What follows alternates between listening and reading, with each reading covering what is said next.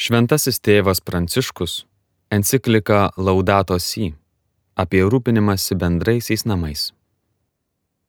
Prisiminkime pavyzdžiui biologinę įvairovę išsiskiriančius planetos plaučius, Amazonės regioną ir Kongo upės baseiną arba didžiulius gruntinio vandens telkinius ir ledynus. Šių vietovių svarba visai planetai ir žmonijos ateičiai gerai žinoma.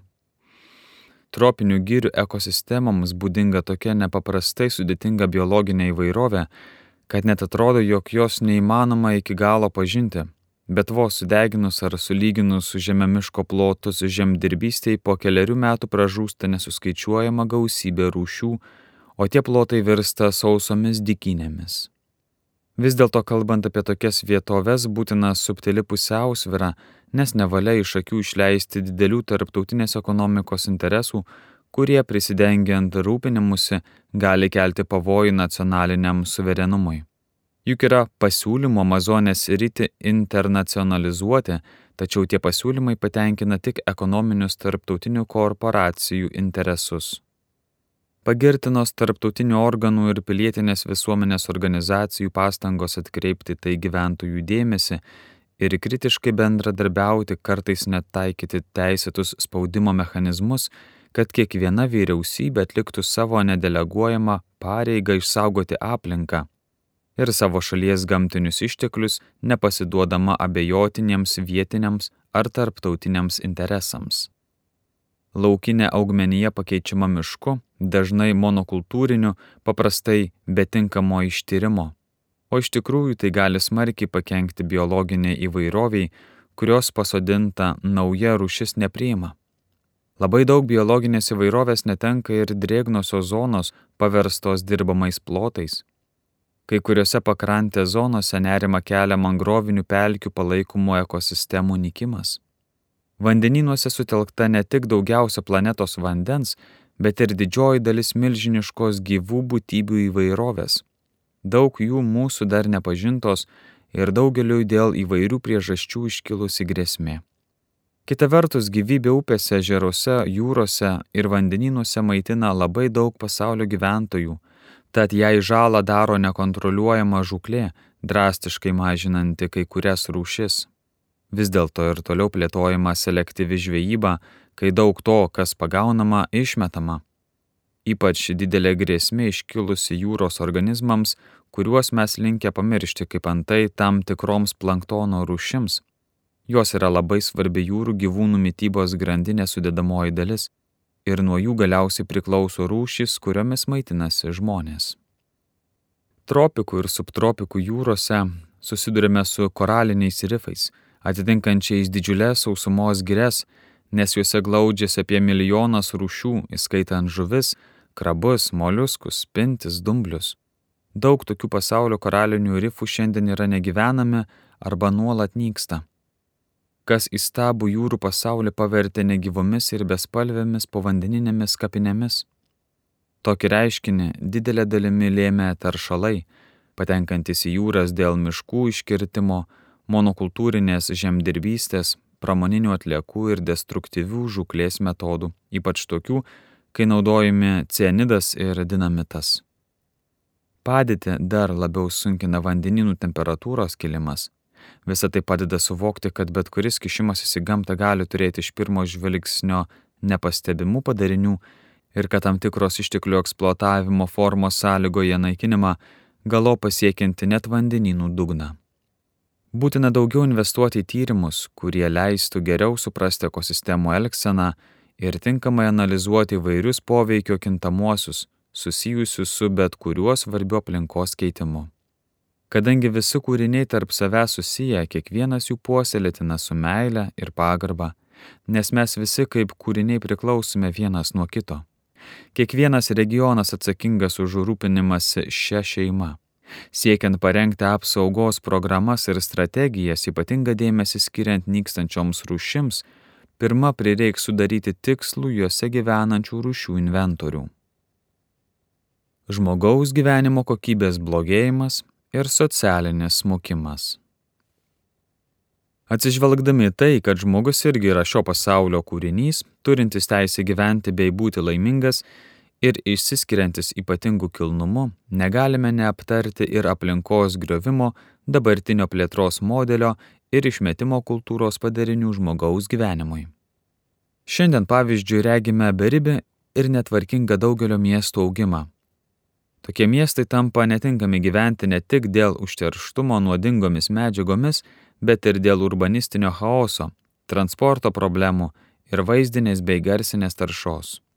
Daugelis miestų yra didžiulės neefektyvios struktūros, suvartojančios per daug vandens ir elektros. Kvartalai, net ir neseniai pastatyti, ankšti ir netvarkingi, kur trūksta žaliosios erdvės.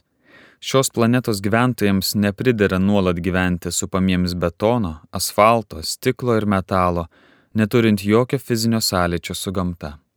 Kai kuriuose miesto ir kaimo vietovėse dėl tam tikrų plotų privatizacijos piliečiams pasidarė sunkiau patekti į itin gražias zonas. Kitur atsirado nedaugeliu skirtų gyvenamųjų ekologinių kvartalų, kur mėginama uždrausti kitiems į juos įžengti bei trikdyti dirbtinę ramybę. Dažnai gražus ir gerai prižiūrimų žaliųjų erdvių kupinas miestas aptinkamas tik keliose saugiose zonose, tačiau nemažiau regimuose rajonuose, kur gyvena visuomenės atstumtieji. Tarp socialinių globalių pokyčių dėmenų taip pat minėtini kai kurių technologinių inovacijų padariniai darbui - socialinė atskirtis, neligybė paskirstant ir vartojant energiją ir kitokias paslaugas, socialinė fragmentacija, smurto augimas ir naujų socialinio agresyvumo formų atsiradimas priekyba narkotikais ir didėjantis narkotikų vartojimas tarp jaunimo, tapatybės praradimas. Šie ženklai be kita ko rodo, kad augimas pastaraisiais dviem šimtmečiais ne visais savo aspektais reiškia tikrą visapusišką pažangą ir gyvenimo kokybės pagerėjimą. Kai kurie iš šių ženklų sikiu liudyja tikrą socialinį nuosmukį, tylų socialinės integracijos ir socialinės bendrystės saitų nutraukimą. Šalia viso to dar paminėtina visur prasiskverbianti žiniasklaidos ir skaitmeninio pasaulio dinamika, kuri neugdo gebėjimo išmintingai gyventi, giliai mąstyti, dosniai mylėti. Tokiame kontekste iškyla pavojus, jog didžiųjų praeities išminčių išmintis bus nustelbta blaškančio informacijos triukšmo. Būtina stengtis, kad tos priemonės skatintų naują kultūrinį žmonijos vystimasi, o nenaikintų jos brangiausius turtus.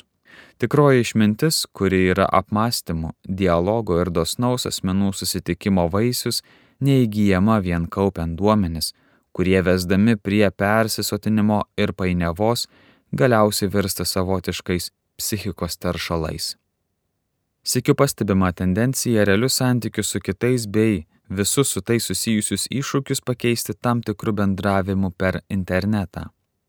Tai leidžia atsirinkti ar nutraukti santykių savo nuožiūrą, per tai randantis naujai dirbtinių emocijų rūšiai, daugiau turinčiai reikalo su prietaisais ir ekranais, nei su asmenimis ir gamta. Dabartinės priemonės leidžia mums tarp savęs bendrauti ir dalytis pažinimu bei jausmais. Sikijos vis dėlto trukdo susiliesti su kito žmogaus nerimu, baime, džiaugsmu ir jo sudėtinga asmeninė patirtimi. Todėl nestebina, kad iš vien suslegiančia šių produktų pasiūla plinta didelis ir melancholiškas nepasitenkinimas tarp asmeniniais santykiais ar žalingas izoliavimasis. Pasaulinis neteisingumas. Žmogiškoji ir gamtinė aplinka blogėja drauge, todėl negalime imtis tinkamai spręsti aplinkos blogėjimo problemos, neskirdami dėmesio priežastims susijusioms su žmogiškuoju ir socialiniu nuosmukiu. Aplinkos ir visuomenės nuosmukis ypač prislegia planetos silpniausiusius ir įprastinio gyvenimo bendroji patirtis ir moksliniai tyrimai rodo, kad nuo visų ekologinių agresijų labiausiai kenčia vargingiausieji. Pavyzdžiui, žuvų išteklių išeikvojimas pirmiausia neigiamai atsiliepia tiems, kurie verčiasi žvejybą ir neturi nieko, kuo tą amatą pakeisti Vandens užterštumas labiausiai prislegia vargingiausiusius, neturinčius galimybės nusipirkti vandens buteliuose, o jūros lygio kilimas daugiausia kenkia neturtingiems pakrančių gyventojams, kurie neturi kur persikelti. Dabartinio disbalanso poveikis taip pat reiškiasi per ankstyvą daugelio vargšų mirtimi išteklių stygiaus sukeltais konfliktais ir kitomis problemomis, nesurandančiomis užtektinai vietos pasaulio darbo tvarkėje. Norėčiau atkreipti dėmesį, jog problemos, kamuojančios pirmiausia atstumtuosius, dažnai nėra suvokiamos aiškiai. Tokie atstumtieji sudaro daugumą planetos gyventojų, jų yra milijardai. Tarptautiniuose politiniuose ir ekonominiuose debatuose jie šiandien minimi, tačiau dažniau atrodo, kad jų problemų įmamasi kaip priedėlio, tartum privalomo klausimo ar periferinio dalyko, jei apskritai tai nelaikoma šalutinė žala. Konkrečiai gyvendinant tai, kas nutarta, tos problemos dažnai lieka paskutinėje vietoje. Taip iš dalies yra dėl to, kad daug profesionalų viešosios nuomonės formuotojų, komunikavimo priemonių ir galios centrų yra įsikūrę toli nuo tų žmonių, izoliuotose urbanistinėse zonose ir stokoja tiesioginio sąlyčio su jų problemomis. Gyvena ir masto remdamiesi patogia padėtimi, suteikta aukšto išsivystimo lygio ir gyvenimo kokybės, nepasiekiamų didelį pasaulio gyventojų daliai. Šis fizinio sąlyčio ir susitikimo trūkumas kartais didinamas mūsų miesto fragmentacijos, padeda nujautrinti sąžinę ir šališkose analizėse ignoruoti dalį tikrovės. Šitai kartais sugyvena su žaliomis kalbomis.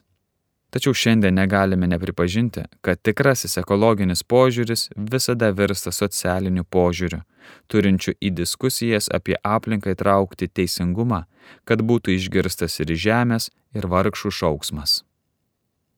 Skaitėme ištrauką iš Šventojo tėvo Pranciškaus enciklikos Laudato Si apie rūpinimąsi bendraisiais namais. Skaitė Vykintas Kuodis.